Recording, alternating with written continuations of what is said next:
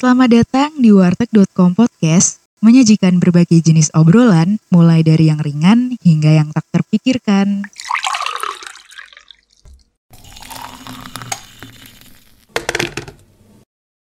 Podcast kali ini kita itu mau ngebahas tentang ngasdos. Asdos itu apa? Asdos itu kadang ada, kadang enggak. Di jurusan lain pun juga enggak semuanya asdos itu ada gitu. Nah, kebetulan kita bertiga ini pernah ngasdos gitu, pernah jadi asisten dosen.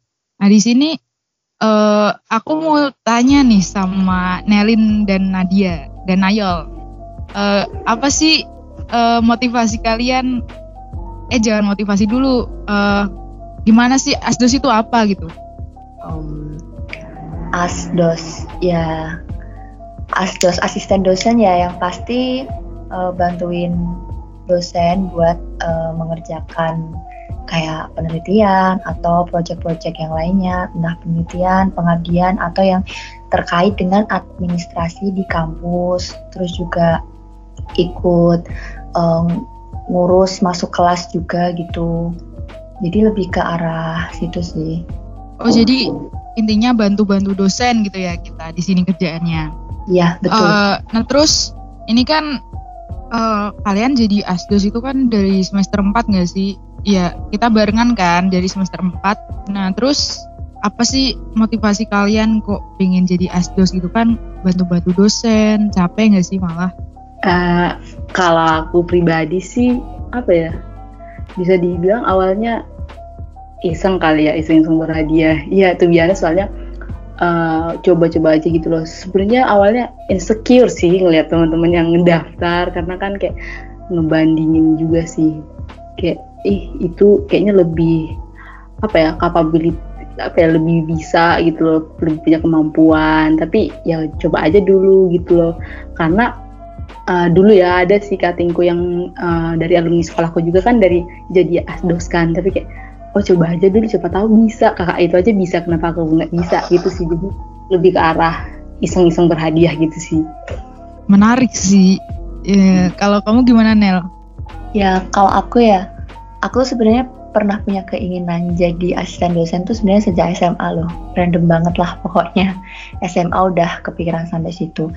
Tapi kalau untuk uh, pas semester 4 kemarin kenapa pada akhirnya aku apply itu karena dorongan kamu dan Nadia sih menurutku. Yaitu tadi.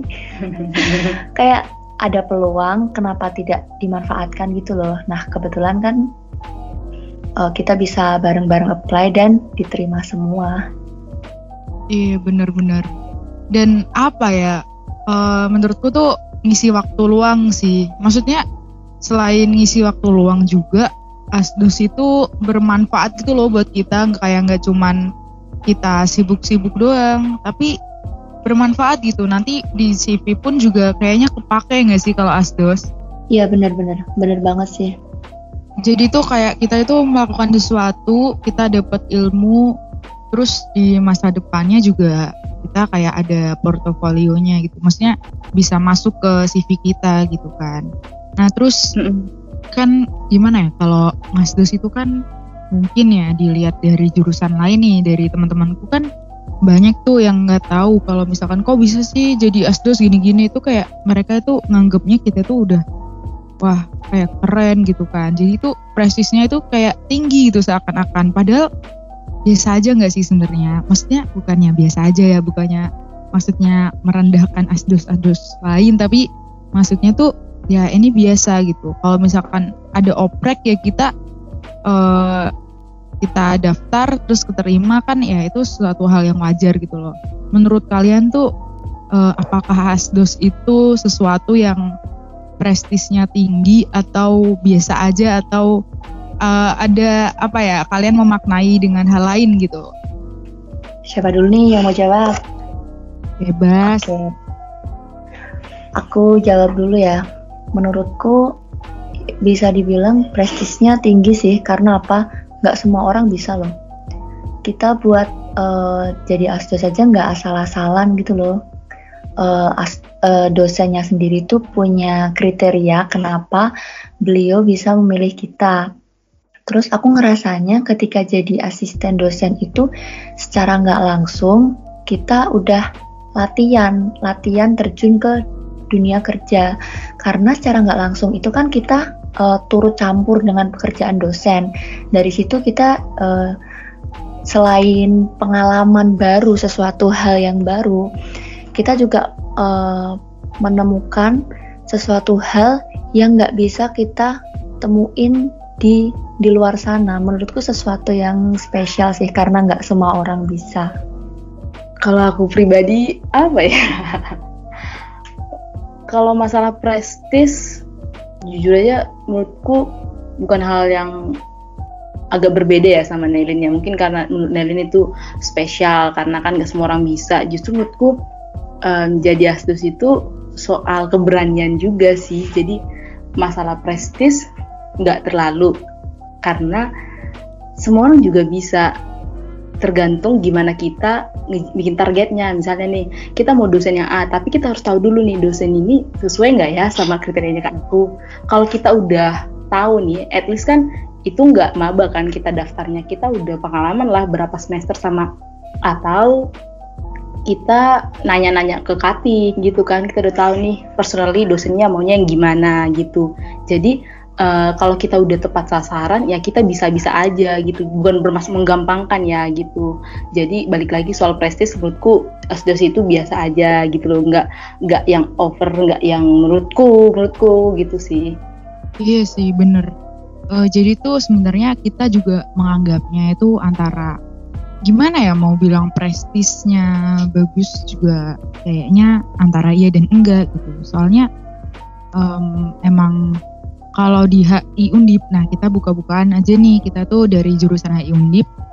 Uh, kalau namanya asdos itu kayaknya udah emang ada gitu setiap tahunnya, eh setiap tahun, setiap semester ya mereka selalu buka oprek mulu gitu. Nah tapi mungkin di jurusan lain yang mereka nggak ada kesempatan gitu buat uh, kalau misalkan mereka pengen jadi asdos, mereka nggak ada kesempatan karena emang dosennya nggak oprek ya. Mungkin itu jadi prestis gitu loh buat mereka lihat oh keren ini uh, dia asdos kayak gitu kan padahal ya gimana ya aku juga bingung sih maksudnya uh, kadang sih emang uh, di sisi lain mungkin karena presisnya itu mungkin lebih dekat dengan dosen membantu dosen uh, membantu tugas-tugasnya dosen gitu kan nah tapi yeah. juga ini lebih ke apa ya kemauan juga sih karena banyak juga teman kita yang pinter gitu. Tapi maksudnya kalau misalkan kita mengatakan asdos itu cuma orang-orang yang pinter ya enggak gitu. Karena banyak juga teman kita yang pinter secara akademis gitu ya. Tapi mereka nggak apply juga banyak kok.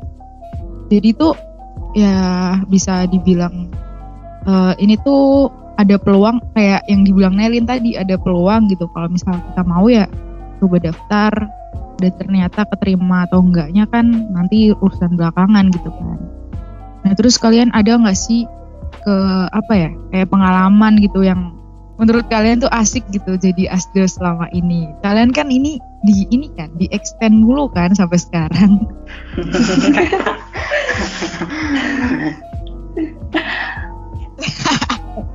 Ketawanya. Iya apa ya?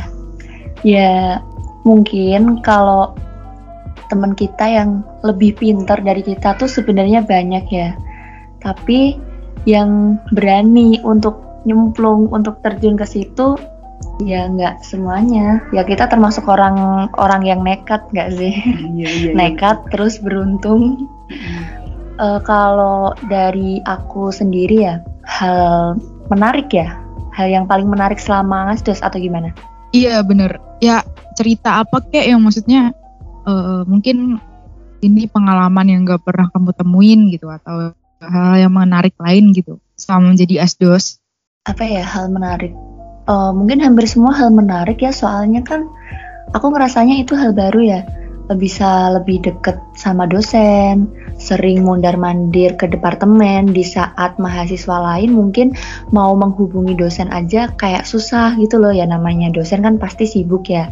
Tapi di sini tuh kita uh, dalam komunikasi sama dosennya tuh bisa dibilang ya kayak dimudahkan gitulah enak gitu loh kalau mau ada keperluan sama dosen terus juga kita bisa tahu pekerjaan dosen tuh sebenarnya apa aja sih kesibukannya tuh apa aja sih dan kita turut uh, ikut campur turut membantu mereka dalam menyelesaikan tugas tersebut. Dan banyak hal yang belum kita ketahui dan gak semua orang bisa ketahui tapi kita jadi tahu gitu loh. Contohnya ketika dosen melakukan penelitian atau pengabdian atau mungkin ada proyek itu menurutku hal yang sangat menarik karena ya aku sendiri sebenarnya suka tantangan gitu ya. Ya meskipun uh, tahun kemarin uh, terhambat adanya corona itu sih ya. Kamu gimana Nat? Kalau aku sih lebih ke arah bisa dibilang hal menarik ya. Satu kata menggambarkan manajemen sih. Jadi aku sebagai apa ya asdos ini ada manajemen terhadap diri sendiri dan terhadap luar gitu. Jadi gimana ngatur uh, emosi, terus juga gimana uh, teamwork karena kan asus nggak cuma satu kan. Jadi kita tuh harus apa ya? Kita harus uh, kerja sama nih. Ini yang ke kelas ini siapa yang megang nih. Terus misalnya ada yang nggak bisa nge-backup siapa nih. Terus tugas yang ini kemarin siapa yang megang nih ini nilainya udah gimana gitu loh. Maksudnya uh, tugasnya udah diapain udah dikumpul udah selesai. Jadi kita harus make sure kalau uh, yang kita pegang itu harus uh, apa ya benar-benar bagus gitulah. Terus kalau personally lebih ke arah gimana kita ngatur kesopanan sama dosen itu penting banget. Cara-cara ngechat itu walaupun mungkin bisa didapat mahasiswa lain tapi kalau kita jadi asdos kan kita bakalan lebih sering ngechat beliau kita bakalan lebih tahu gimana uh, tata cara uh, ngechat. Kan semakin kita terbiasa semakin apa ya nggak cuma ke dosen jadi ke orang lain yang nggak kita kenal sekalipun kita jadi terbiasa buat punya tata cara ngechat gitu. Dan nggak semua nggak itu nggak didapatkan dengan cuma-cuma gitu loh. Kalau misalnya kita ngechat teman kan teman. Keluar dulu. Eh besarnya. Ngechat ke teman kan nggak mungkin pakai formal gitu loh. Pasti informal. Nah ketika kita terbiasa ke dosen ke orang lain misalnya yang mungkin itu berguna nantinya. Mungkin ke orang yang baru kita kenal atau mungkin ke bagian akademis gitu kan. Jadi itu aja sih. Lebih ke arah intinya manajemen gimana kita ngatur diri kita gimana kita buat kan nanti ada tugas nih ini ini, terus juga beliau kan mau tuh ada tugas kayak project uh, harus ada ke sini. Terus juga misalnya kelas ini ada ditunda di terus ada yang mau dikasih. Jadi kan ada plan kita sebelumnya kita harus ngebagi nih kalau misalnya tiba-tiba ada uh, dadakan dari dosen, kita harus relain yang mana, kita harus ngaturnya gimana, dan menurutku itu salah satu soft skill kali ya bisa dibilang soft skill yang didapetin, yang nggak didapetin kalau misalnya kita nggak ngasdos, lebih ke arah itu sih. Oh iya ya, bener-bener, bener sih. Kalian apa maksudnya uh, jawaban dari kalian itu emang aku relate gitu. Emang kadang ya dari time management itu kita bisa belajar pas ngasdos ini gitu kan. Karena nggak cuman megang kelas kan kita juga megang project-project dosen gitu kan. Nah terus hmm. kalau misalkan eh tanyain dong aku apa? gitu pengalamannya gitu. Biar nggak aku doang yang nanya. Itu tadi aku mau nanya tapi iya. takutnya ketimpa. Iya tanya aja santai. Ya udah balik tanya deh sekarang kita yang tanya ke kamu, kalau kamu gimana? Mulai dari motivasi sampai hal menarik yang kamu alami. Pasti berbeda. Because you are a good storyteller. Oke, okay. jadi kalau motivasi itu sebenarnya aku malah di awal gimana ya? Aku tuh di awal maba itu tuh emang ada kepikiran gitu, pingin jadi asdos. Tapi pas semester 2 malah kayak nggak nggak pengen gitu loh. Soalnya ngelihat kan sibuk kelas ini itu masuk gitu kan. Nah tapi ternyata uh, ada salah satu dosen gitu yang minta kan. Nah ya udah gitu kan ada kesempatan ngapain eh, nggak uh, diambil gitu kan. Awalnya kan emang aku sempet juga nggak mau gitu. Maksudnya saat itu tuh aku lagi mau apply juga kerjaan part time nah aku takutnya nanti uh, nggak bisa membagi waktu kan. Nah terus akhirnya singkat cerita jadi asdos nah itu sebenarnya aku nggak ada motivasi gitu jadi asdos ya pengen pengen aja pengen ngerti tugas si dosen itu kayak apa. Terus ya pengen aja lihat kayak asdos asdos itu kan sering ini sama dosen relasinya juga sama banyak orang kayaknya semakin banyak gitu semakin luas gitu. Terus kalau pengalaman menarik ya kalau aku sih yang pertama uh, diajak nulis akademik gitu kayak diajak penelitian. Nah karena di HI kan penelitiannya kebanyakan desk research ya maksudnya kita meneliti dari rumah gitu kan. Kita iya. eh, nggak uh, perlu ke lapangan gitu kan. Nah akhirnya mulailah ikut uh, nulis-nulis gitu nulis-nulis penelitian buat jurnal.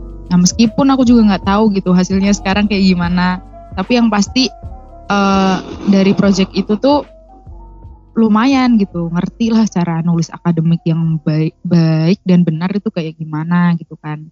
Nah juga apa ya uh, aku tuh karena ini corona ya nah corona itu kan kita megang kelasnya itu cuman online ya jadi tuh kayak nggak nggak asik gitu kan.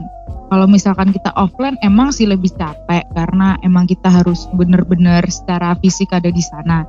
Cuman tuh lebih asik gitu kan siapa tahu kita bisa uh, biasanya kan kita lihat kan dulu di kakak tingkat kita yang jadi asdos itu dia ikut ngejelasin mungkin ngejelasin teknis tugas apa gimana. Kan kayak kita belajar juga public speaking di situ kan.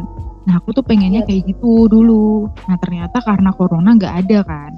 Tapi lucunya malah uh, pas jadi asdos ini tuh megang kelasnya itu uh, lucunya itu lebih ke anak-anak gitu loh. Maksudnya ke mahasiswa-mahasiswa yang lagi emang mereka ribet terus tugasnya nggak bisa disubmit atau mereka telat ngumpulinnya terus absennya nggak sampai 75% yang yang artinya nggak bisa ikut ujian kayak gitu-gitu. Malah kayak ngelihatnya mereka tuh yang panik itu kayak aku ngelihatnya lucu gitu loh. Maksudnya kadang kita kan uh, kadang kita sendiri kalau ada kendala teknis kan juga kita bingung nggak sih kalau sinyal kita jelek kuliah online gitu kan kayak kemarin kita nggak bisa aku sih aku nggak bisa open cam. Aku bisa sih open cam udah aku openin. Cuman kameranya itu keluarnya cuman screen hijau gitu. Nah itu kan panik gitu kan. Nah ketika jadi asdos kita itu yang dipanikin gitu. Maksudnya mereka pada ngechat personal kak ini gimana gimana? Sinyal saya jelek gini gini ya padahal sih sebenarnya kalau misalkan sinyal jelek ya maksudnya kendala teknis itu pasti dosen harusnya ya memaklumi gitu. Tapi kan mereka sebagai mahasiswa itu kan panik gitu gitu sih. Aku lebih seneng gitu uh, bukan maksudnya seneng ngelihat mereka panik tapi lebih ke apa ya seneng gitu dapat pengalaman gitu kan dari keluh kesah mahasiswa gitu. Gitu guys. Iya. Ya sih bener-bener uh, menurutku juga jadi tantangan tersendiri nggak sih selama online ini tuh? Menurutku lebih menantang soalnya tuh kita sering dihadapkan sama hal-hal di luar dugaan. Contohnya kayak teknis itu tadi loh kan jadi banyak banyak dramanya gitu loh yang mulai dari sinyal lah dari ah macem-macem lah pokoknya. Otomatis kan kita dalam mengambil keputusan pun kita juga harus cepat dan tepat gitu loh. Apalagi teman-teman pasti uh, orang pertama yang diharapkan dan didatangi itu ya asdosnya itu. Iya benar. Nah dia mau tanya katanya eh oh, iya, lanjutin iya. yang aku tadi. Hmm, sebenarnya iya sih. Kadangan yang jadi asdos ini memang challenging banget sih masa pandemi gini kan. Apalagi buat pribadi ya aku yang kebo gini. Itu benar-benar beban.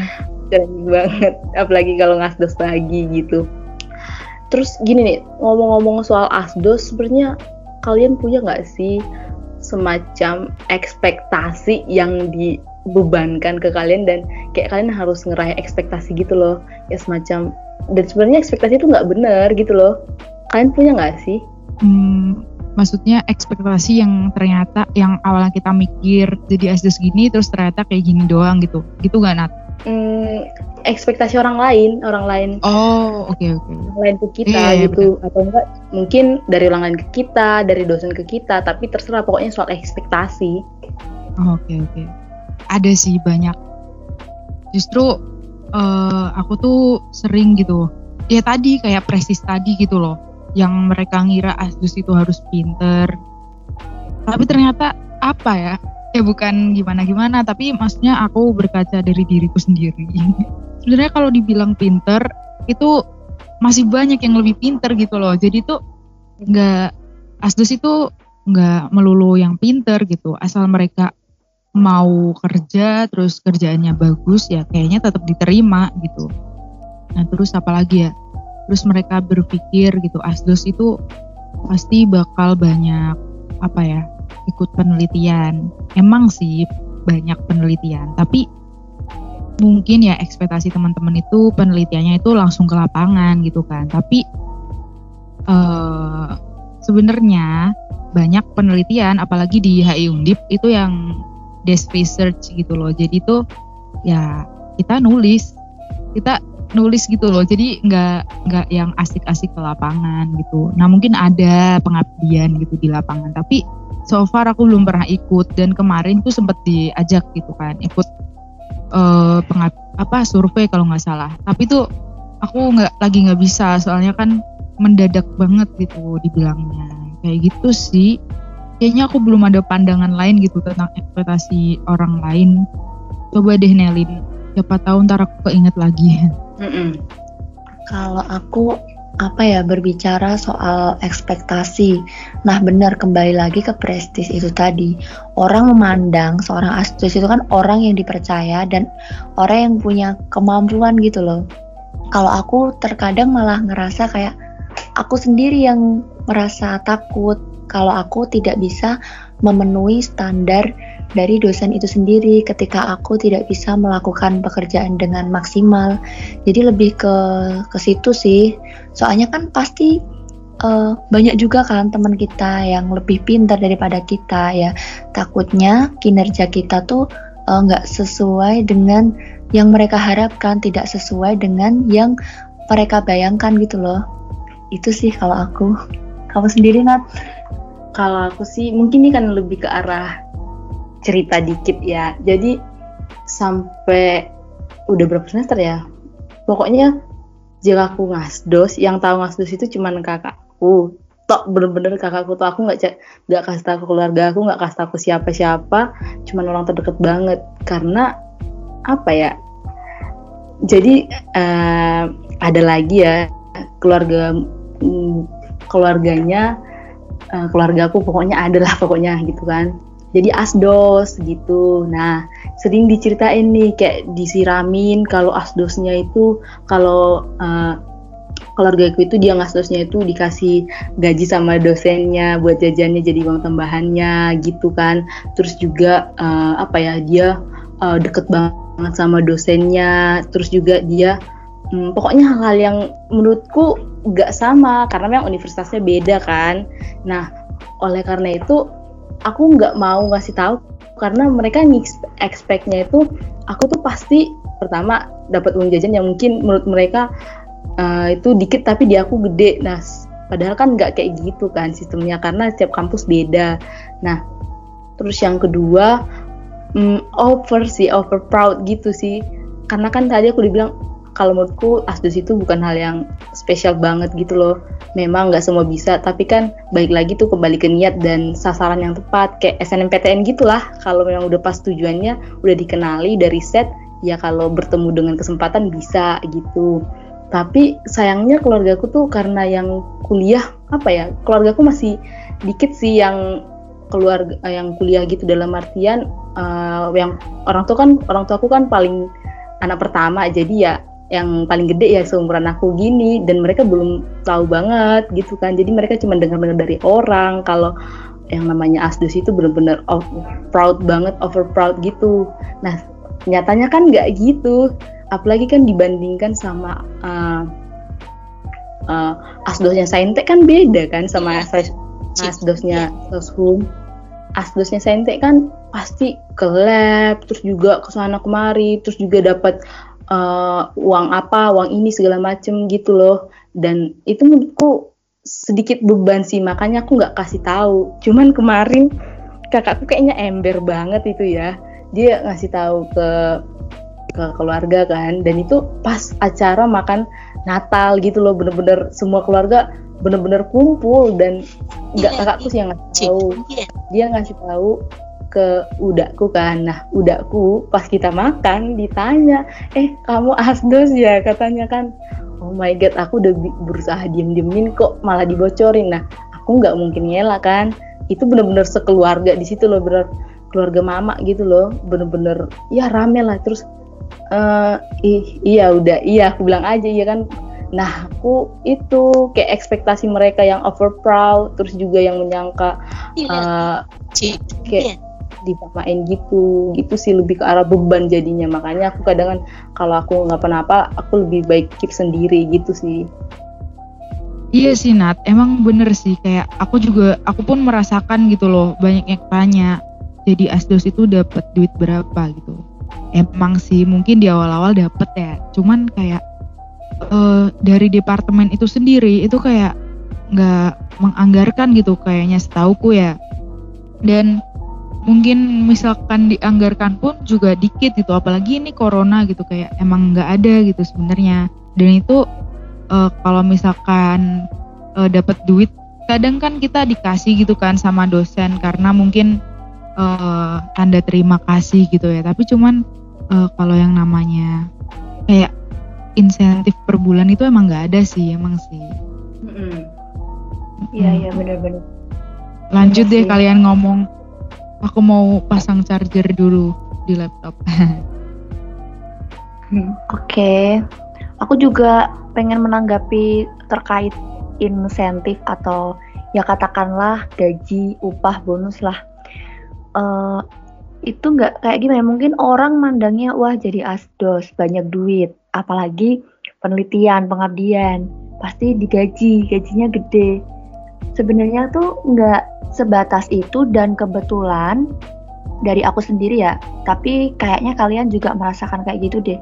Kita tidak terlalu berekspektasi lebih pada itu tadi ya, pada materi itu. Mungkin uh, kalau kita ya alhamdulillah lah kalau dapat materi ya, dapat upah atau dapat fee gitu.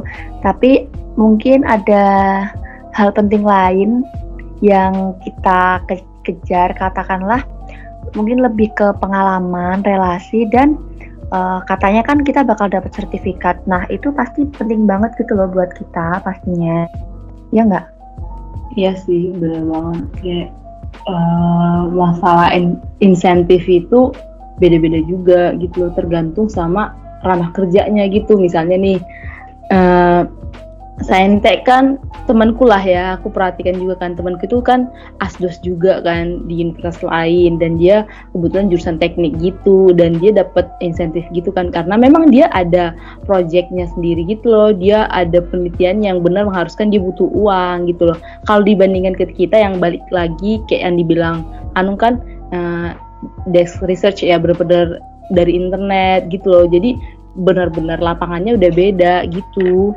Jadi nggak apa ya nggak layak buat dikomparasi sih sebenarnya di bukan sebuah kompetisi juga sih menurutku. Ya itu lagi balik. Semua orang uh, punya ladang dalam tanda kutip tersendiri gitu. Ladang dalam artian uh, punya apa ya bidangnya. Karena sentek sosum kan benar-benar objeknya aja udah beda. Jadi tindakannya beda ya hasilnya juga beda gitu sih iya sih benar-benar. Dan apa ya aku tuh juga ada sih kenalan gitu anak saintek tapi bukan asisten dosen gitu. Yang dalam artian dalam satu uh, semester dia membantu tugas dosen tapi uh, lebih ke asisten apa ya namanya asisten lab. Oh iya oh. asisten praktikum. Nah itu benar-benar. Nah jadi tuh ya mereka dapat untungnya itu bukan dari uang juga sih tapi lebih ke dia dapat nilainya lebih mudah gitu kan. Terus juga nah, mungkin uh, uh, terus mungkin uh, juga membantu di uh, mata kuliah selanjutnya gitu. Soalnya di jurusannya temen gue itu emang dia di uh, ranahnya saintek ya dan emang katanya dapat nilai itu susah gitu. Makanya emang harus uh, salah satunya ya jadi asisten praktikum itu buat biar dapat nilainya agak lumayan gampang gitu. Tapi pernah denger gak sih kalian uh, kalau misalkan nih jadi asdos terus uh, nilai kalian itu bakal mudah banget dapat nilai bagus gitu maksudnya bakal dibagusin sama dosen-dosen karena kalian kan kenal dosen gitu. Pernah gak sih kalian dengar kayak gitu? Sering.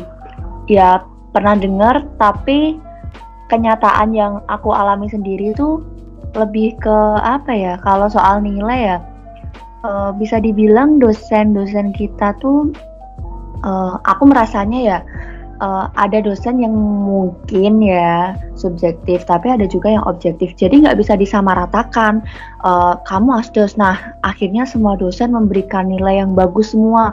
Misalkan A semua aku aku nggak merasakan seperti itu sih sama-sama sama.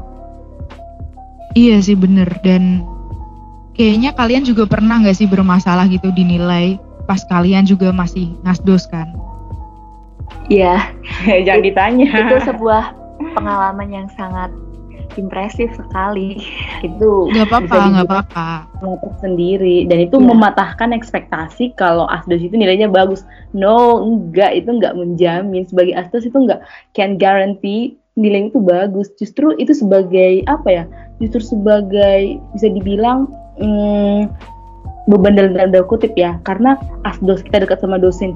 Kalau kita misalnya jelek kan agak malu dikit gitu lah ya pastinya. Jadi dengan adanya asdos sebagai motivasi juga supaya nunjukin kita ini nih aku tuh sebenarnya cocok uh, aku tuh ada capability biar di, di dibilang sebagai asdos gitu loh karena aku yeah. Iya. uh, nilainya bisa at least bukan bagus sih aman gitu sih lebih tepatnya kalau udah semester ke menuju semester tua gitu sih iya bener-bener dan tapi gini sih menurut aku tuh uh, justru malah dengan kalian nih maksudnya yang asdos kalian lumayan dekat gitu relasinya dengan dosen-dosen tapi nilai kalian masih ada yang bermasalah gitu. Maksudnya bukan cuma jelek tapi bermasalah kan. Dan itu tuh menunjukkan menunjukkan gak sih kalau berarti dosen kita itu profesional gitu kan? Dan apa ya kayak asdos asdos ya kelas kelas gitu kan. Ah benar. Akademi sendiri iya. Menurutku tidak bisa dikaitkan erat antara nilai dan perasdosan duniawi. Iya betul betul. Dan aku juga pernah loh aku ketika cerita gitu ke temen eh jadi asdos nih aku sekarang gitu kan terus dia bilang enak dong bisa deketin dosen dapat nilai bagus gitu Yalah, padahal ya dosen yang aku asdosin itu sama sekali aku nggak pernah dapat kelasnya di semester 4 5 ini nggak pernah gitu. Dan jangankan dapat nilai bagus gara-gara ngasdos. Kayaknya emang apa ya banyak juga sih kayak teman-teman juga yang ngasdos juga di dosen lain nilainya juga masih ada yang mungkin kurang memuaskan gitu loh. Kalau di Bentar, kalian dengar nggak suara motor? Dengar. lanjut. Ya udah lanjut. Kalau di apa ya di mata uh, di HI, di HI Undip maksudnya di jurusan kita itu emang nilai yang apa ya? Sebenarnya kita kan mengejar ya nilai selalu bagus lah ya, tapi uh, kita udah dapet taman aja udah udah seneng gitu loh. Apalagi yang kayak di, dibilang Nail tadi kan udah semester 5 ke atas itu udah kayak nilai yang aman aja udah seneng gitu loh. Gitu sih. Jadi ya apa ya termasuk profesional gitu dosen di sini aku senengnya gitu. Dan iya, nggak ya, ada nggak bisa dibilang gara-gara kita ngasdos nilai kita bagus IPK 4 wah jangan harap itu. Menjamin. Nggak menjamin itu tidak menjamin. Ya ya ya udah gitu. Emang sih IPK itu eh, IPK menurut kalian penting gak sih? Uh, penting penting nggak penting. Kalau aku sih menurutku ya IPK penting tetap tapi penting. bukan segalanya. Iya benar-benar. Ya tetap penting sih. Tapi nggak bisa semata-mata dijadikan patokan patokan untuk mm -mm. menilai dan mengukur sepenuhnya kemampuan kita gitu. Bener. Kata sepenuhnya kayaknya nggak cocok dijatuhkan ke IPK karena kan gini loh. IPK itu kan campuran banyak nilai kan, tapi kan ada beberapa dosen yang diberatkan ke UTS atau UAS. Nah, orang kan bisa aja jatuh tuh pas di UAS atau dia karena sakit atau ngeblank, jadi UASnya jatuh kan. Nah, jadi takut jadi apa ya kelihatannya jatuh lah nanti nilainya kan. Tapi digunakan sebagai parameter itu bodoh karena enggak juga kan.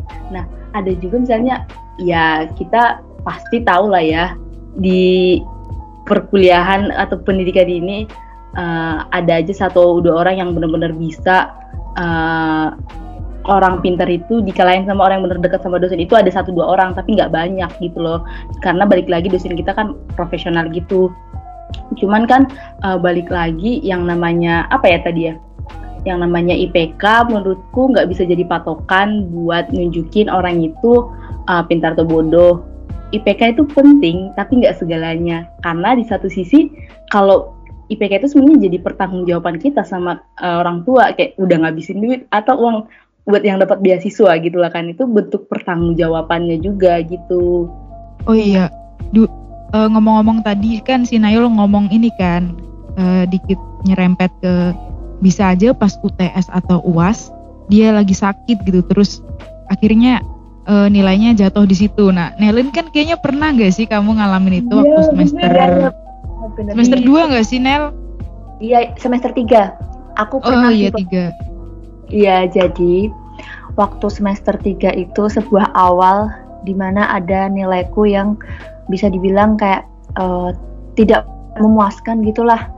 Bukan karena aku sepenuhnya tidak mampu tuh enggak, tapi karena saat itu aku sakit, aku udah izin pakai surat izin dari dokter, tapi ternyata dosennya uh, kayak enggak apa ya mungkin saat itu lebih ke miskomunikasi atau gimana ya aku agak lupa sih intinya saat itu aku sakit waktu ulangan aku nggak bisa ikut. Akhirnya aku nggak dapat nilai dan berpengaruh ke IP juga. Oh iya sih. Mungkin ya bukannya apa ya bukannya gimana gimana gitu kan. Tapi kadang kadang tuh uh, kalau misalkan ada kendala atau apa kan kita juga terkadang itu susah gitu buat mengkomunikasikannya ke dosen kan. Jadinya mungkin kita udah izin mungkin apa gimana terus dosennya miskom apa gimana kan bisa jadi gitu. Bukan sepenuhnya salah kita dan bukan sepenuhnya salah dosennya juga gitu. Karena kan emang kadang komunikasi itu susah ya. Iya. Kalau kalau menurut aku sih sama sih sama kayak kalian gitu. IPK bagus IP, IPK bagus itu kayak cuman ya udah gitu buat kita kita doang gitu. Kan kita ngelihat pencapaian di bidang akademis kita gitu selama satu semester. Dan menurut aku juga nggak bisa. Emang sih mungkin buat uh, mungkin kita kan sering dengar IPK nggak menentukan kesuksesan gitu. Tapi uh, terkadang adalah uh, orang-orang itu yang pengen punya IPK bagus buat uh, nunjukin ke orang tua gitu kan. Kadang kita kan salah satunya bikin bangga orang tua kan dengan prestasi akademik kita gitu kan. Nah, aku salah satunya orang yang pengen apa ya ngasih itu buat orang tua gitu. Soalnya emang di umur segini tuh kita nggak bisa ngasih apa-apa ke orang tua gitu selain ya selain IPK kita gitu. Kalau menurut aku ya. Nah, makanya aku uh, belajar ya bisa dibilang ambis juga ambis enggak juga ambis gimana ya? Maksudnya uh, ya ya seininya lah ya se senormalnya kita gitu sewajarnya gitu. Kalau misalkan kuliah ya kuliah jangan sampai bolos. Bolos ya nggak apa-apa sih kan kita ada ada apa itu Entah. kuota empat empat atau tiga kali ya? Tiga. Empat. Ya itulah pokoknya kita kan punya kesempatan buat bolos juga gitu kan. Dan aku dari semester 1 sampai sekarang pasti bolos sih maksudnya ambil bolos gitu kalau dibilang ambis ya sebenarnya enggak juga sih soalnya aku juga kalau bolos bisa semingguan dulu kan waktu masih belum corona kan buat pulang gitu. Nah tapi juga buat kesuksesan emang nggak bisa jadi indikator utama gitu. Tapi emang ya kalau kita kerja ya maksudnya di perusahaan atau di apa pun itu kan seleksi berkas perlu lihat IPK lihat ini itu CV kan. Jadi ya terkadang bisa dibilang penentu kesuksesan juga enggak tapi ya mungkin salah satu cara gitu buat kita untuk lebih mudah di kehidupan selanjutnya maksudnya di tahap hidup selanjutnya gitu. Tapi ya kita nggak bisa ngejudge orang kalau misalkan IPK-nya jelek dia udah pasti bodoh kan enggak juga gitu. Dan sebaliknya orang yang IPK-nya tinggi belum tentu pintar gitu. Contohnya saya gitu maksudnya aku ini ya buka-bukaan gitu. IPK aku aku gak mau ngomong nilai tapi IPK aku emang tinggi gitu. Tapi kadang tuh mikir emang aku deserve gak sih dapat segini? gitu kan. Kadang banyak yang lebih pinter tapi mereka tuh nggak nggak berani ngomong nggak berani uh, ikut diskusi atau apa kan. Jadi kayak mereka nggak kelihatan aktif atau apa kan. Nah padahal tuh ya sebenarnya nggak bisa kalau misalnya kita ngomong pinter-pinteran ya nggak bisa diukur dari IPK doang sih itu sih poinnya setuju nggak kalian? Iyalah setuju sih aku setuju karena uh, pada kenyataannya tuh perjalanan dalam perkuliahan itu bener-bener nggak mulus gitu loh. Banyak hal yang di luar dugaan dan secara nggak langsung itu bisa berpengaruh juga di dalam uh, perjalanan kita dalam melewati dan menyelesaikan perkuliahan itu tadi. Bener-bener. Dan tapi ya banyak sih yang pakai alasan IPK nggak penting terus mentang-mentang nggak penting terus mereka kayak kuliah ya udah seenaknya tugas nggak ikut ngerjain numpang nama dan lain-lain tuh banyak kan kita sering nggak sih menemukan hmm. kayak ngevalidasi kalau IPK itu nggak penting jadinya ayo ah, udahlah itu nggak menentukan kesuksesan Iya yeah. benar nggak menentukan tapi berpengaruh gitu loh. Ada pengaruhnya. Ini yes. aku iya juga mau ada pertanyaan nih balik lagi ke poin. Ini kan soal asdos nih ya. Kalian pernah nggak sih kayak uh, di titik di mana agak kesel gitu bukan uh, nggak apa ya sama teman atau adik tingkat? Misalnya nih kayak uh, kan kita pasti nggak nyampein nih keluhannya si A ke dosen ini karena kita asdosnya gitu. Tapi pernah gak sih ada titik kesal menghadapi seseorang gitu? Karena saya misalnya udah dikasih tahu tapi terus nyolot terus ditanyain terus udah dibilang dosennya sibuk tapi tetap aja digangguin atau gimana gitu? Sebuah kekesalan atau sedikit pengalaman juga sih tentang asdos. Tapi tadi kan lebih ke arah pengalaman kesan yang bagi, bagus gitu kan. Yeah. Nah ini sedikit yang agak ngeselin gitu biar biar seimbang gitu aku dulu ya kalau aku ada sih tadi kayaknya aku pernah agak nyerempet dikit gitu kayak keluh kesah bukan keluh kesah keribetan si mahasiswa-mahasiswa tadi kan pas kelas kendala teknis dan lain-lain gitu ada uh, ada sih nggak nggak harus sebut angkatan ya karena ini pasti bahaya. Pokoknya adalah uh, ada satu mahasiswa gitu nanya mulu tentang ya tentang tugas lah katakanlah gitu. Padahal si dosen itu udah sering banget katanya si dosen itu. Maksudnya dosen yang aku asdosin katanya udah sering uh, ngejelasin itu. Dan akhirnya dia tanya-tanya mulu dan akhirnya dosennya agak sebel mungkin ya. Terus ya jadi bermasalah gitu. Terus akhirnya kita ribet nyelesain masalahnya. Nah terus ada lagi uh, ada adalah seorang gitu. Dia itu emang nggak nggak pernah ikut kelas tapi dia pengen ikut ujian gitu. Nah akhirnya tanya pas di akhiran uh, pas di akhirnya di akhiran dia tanya kok saya nggak bisa ikut kelas ya kak? Bisa uh, tolong dibantu? Gitu. Terus aku minta dia SS-in screenshotin ininya absennya. Ternyata dia itu belum ini belum nyampe 75% jadi ya emang nggak bisa ikut ujian kan. Nah terus aku coba ngomong deh ke dosennya. Ya gimana ya kayaknya masih baik sih itu dosennya. Terus akhirnya boleh ikut ujian deh. Nah ini kan apa ya kadang kan dosen itu masih punya hati nurani gitu loh. Nah menurut aku tuh uh, ini tuh masalah dari mahasiswanya sendiri gitu kan. Kalau misalkan dia bertanggung jawab atas kuliahnya ya pasti dia bakal memenuhi 75% absen presensi kalau misalkan dia bener-bener mau ikut ujian gitu. Tapi kalau emang dia 75 persennya ini udah online gitu loh kayak online tuh kamu tinggal buka Microsoft Teams atau Zoom tinggal kuliah bentar gitu kan. Dia pun 75% presensinya nggak full gitu. Nah itu yang jadi masalah dia gitu. Tapi akhirnya yang ribet ya asdosnya nggak sih yang harus ngurusin gitu kan.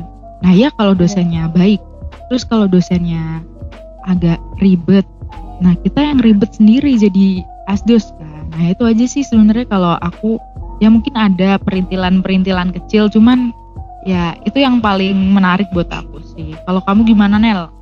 Nah justru hal kalau aku ya hal yang mengesalkan ini menjadi sesuatu hal yang bisa dibilang menarik ya buat aku. Karena dari sini kayak aku jadi lebih belajar uh, manajemen emosi ya. Karena kan dihadapkan sama orang yang bermacam-macam dan permasalahan yang bermacam-macam. Mulai dari partner partner perasdosan sendiri ya nggak bisa kita sejalan terus. Pasti kayak ngerasa kok kamu gitu sih? Ya kadang ngerasa di situ juga ada kerasa nggak enaknya juga tapi ya udahlah ya namanya orang beda-beda.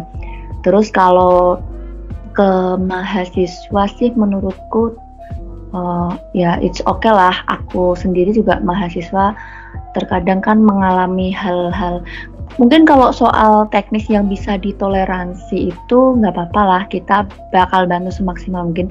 Tapi kalau kayak ya bener kayak yang diomongin Anung tadi uh, sebuah apa ya sebuah masalah tapi itu tuh masalah yang bikin tuh mahasiswa sendiri tuh kayak itu kesalahan kamu tapi mau nggak mau kan asdosnya jadi terlibat kan ikut ribet ikut ngurusin ikut pusing padahal udah jelas-jelas itu kesalahan dia yang tidak bertanggung jawab gitu loh. Itu sih kalau dari aku hal mengesalkannya mungkin kayak uh, udah mau ujian tapi permasalahan yang terjadi selama perkuliahan tuh baru dilaporin gitu. Kan jadi ribet kan ngurusnya kenapa nggak kemarin-kemarin atau saat itu juga? Mm sama sih ya. Kalau aku sih hampir mirip-mirip ya kayak dari awal itu kayak ngegampangin gitu loh soal masalah absen gitu. Uh, pas di akhir nanti baru bilang gitu loh dan muslim tapi kan kita nggak bisa ngapa-ngapain lagi kan. Itu kan udah kewenangannya dosen gitu kan. Dan kita juga mau nyampein dosen kayak takut gak sih? Kayak aduh kenapa dari kemarin gak dibilang ya? Gitu. Terus ngejelasinnya gimana? Kan kita juga gak mungkin langsung ngemojokin yang minta tolong kan kita harus ngerangkai katanya lagi gimana gitu. Terus yang ngeselin apa ya? Lebih uh, pernah sekali kayak udah dibilangin tapi nggak ngerti-ngerti gitu loh. Kayak bentar ya ibunya lagi sibuk. Apalagi kan uh, dosen kan nggak mungkin online tapi kan yang dibuka beda. Mungkin lagi rapat apa gimana kita udah ngasih penjelasan. Makanya uh, sebuah apa ya sebuah common thing mungkin dosen bahasa lama. Makanya kan kalau udah tahu kayak gitu harusnya kan jauh-jauh jauh-jauh dari hari baiknya dikasih tahu bisa ada keperluan gitu. Kalau misalnya mepet kan kita nggak mungkin kan nge-spam chat dosennya bu bu bu pak pak pak tolong pak. Kan nggak mungkin nggak etis juga kan. Kita juga misalnya ngirim pesan sampai tiga kali tiga box gitu di WA udah udah bener-bener takut gitu loh kan. Walaupun kita asdosnya tapi kita masih mikir itu nggak etis lagi gitu loh. Dan kita udah ngasih penjelasan misalnya kan ke sini bentar ya bentar ya bentar bentar. Tapi kayak di teror gitu loh. Kadang kan makanya aku kadang nggak baca lagi sih. Sorry buat yang pernah nggak aku baca karena udah dibilangin sekali gitu sekali dua kali oke okay lah. Dan itu biasa terjadi di uh, apa ya hmm, biasanya yang apa ya yang bener-bener kebutuhannya mepet tapi ya dia ngasih taunya lama, eh, baru itu juga mepet juga ya jadinya gitu. Oke okay, oke. Okay. Uh, eh, dari kalian ada nggak sih ada lagi nggak sih yang mau dibahas? Ini udah lumayan panjang nih kayaknya podcast kita. Udah mau sejam nggak sih? Maybe. Menurutku kayak udah mencakup semuanya sih. Udah mencakup mulai dari kita kan udah bahas motivasi kita, bisa dibilang uh, suka duka kita selama jadi asdos. Menurutku juga itu bisa jadi uh, gambaran mungkin dan informasi. Ya di sini kita sharing ya. Sharing ke teman-teman bagaimana sih kehidupan asdos terutama di HI Undip gitu sih. ya nggak? Iya sih, kalau- benar-benar.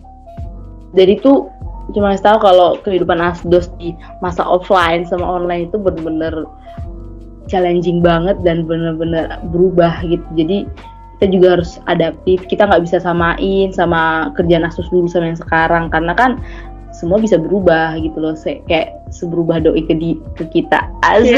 Ya, aduh doi doi. Doi Oh. yang nggak udah lagi, udah Doi. berubah.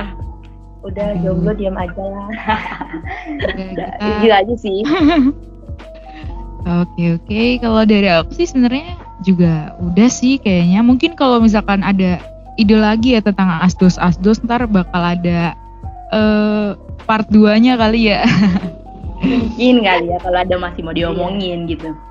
Iya bisa bisa bisa. Eh, mungkin juga nanti aku bakal ngajak juga kalian lagi eh, di podcast buat bahas hal-hal yang lain kan. Masih banyak yang bisa dibahas kan. Nah, Oh ya, sebelum ya sebelum di closing nih eh, apa ya? Jangan tiga kata deh. Ya satu kalimat lah yang terbaik buat dosen kalian. dosen yang kalian asdosin, siapa tahu dengerin podcast. kalimat yang gimana dulu nih Ya terserah mau pesan, mau kesan, mau bilang terima kasih. Apa ya, Ya, sepi. kamu dulu nah Ya deh aku deh. Aku cuma bilang biar ibu tercinta. Makasih loh bu, udah milih aku sebagai salah satu asdosnya ibu. Kayak nambah kegiatan juga di Semarang di Semarang ini, nambah pengalaman pastinya dan nambah soft skill juga. Eh, maaf bu, kalau misalnya kita sering ngeselin atau misalnya nggak sesuai dengan harapan ibu, maaf. Dan semoga ibu sehat selalu dan lancar semua rencananya. Semangat ibu, aku cuma bilang gitu doang mantap. Kalau aku versi versi ringkasnya dari Sinail deh terima kasih banget sama dosen yang aku asdosin ya udah mau nerima aku dan ngasih kesempatan aku dan aku juga merasakan eh, cocok gitu loh sama dosen yang aku asdosin beliau sangat-sangat baik sih ya menurutku Bener-bener Eh, banget. bahkan sampai kadang kita sampai nggak enak sendiri dan maaf eh, kalau eh, kita mungkin kerjanya kurang maksimal atau bagaimana. I love you ibu. I love you bu. Kebetulan kita nggak di dosen yang sama. gitu. Iya, keren nih kalian bisa barengan, aku yang mencar. Dan oh iya, kalian kan extend kan, aku udah enggak, Oh aku udah selesai. Kalau Iya. kau sendiri gimana nung sama dear eh, dosen Yo. kita? your dosen. Apa nih kesan Ya, pesan juga ya? Serah, serah, serah. Ya, kalau aku sih, aku sih udah pasti banyak salah ya sama beliau. Ya, ya saya minta maaf aja sih. Pokoknya ya terima kasih dan minta maaf kalau misalkan ada banyak salah gitu. Tapi memang eh, beliau sudah memberikan banyak sekali ilmu yang bermanfaat buat aku sih. Jadi ya, ya terima kasih sama minta maaf aja sebenarnya. Udah itu aja sih. Apa aja ya? Apalagi ya udah nih kayaknya Ah, udah terima kasih sudah mendengarkan bye Bye. Bye. See you.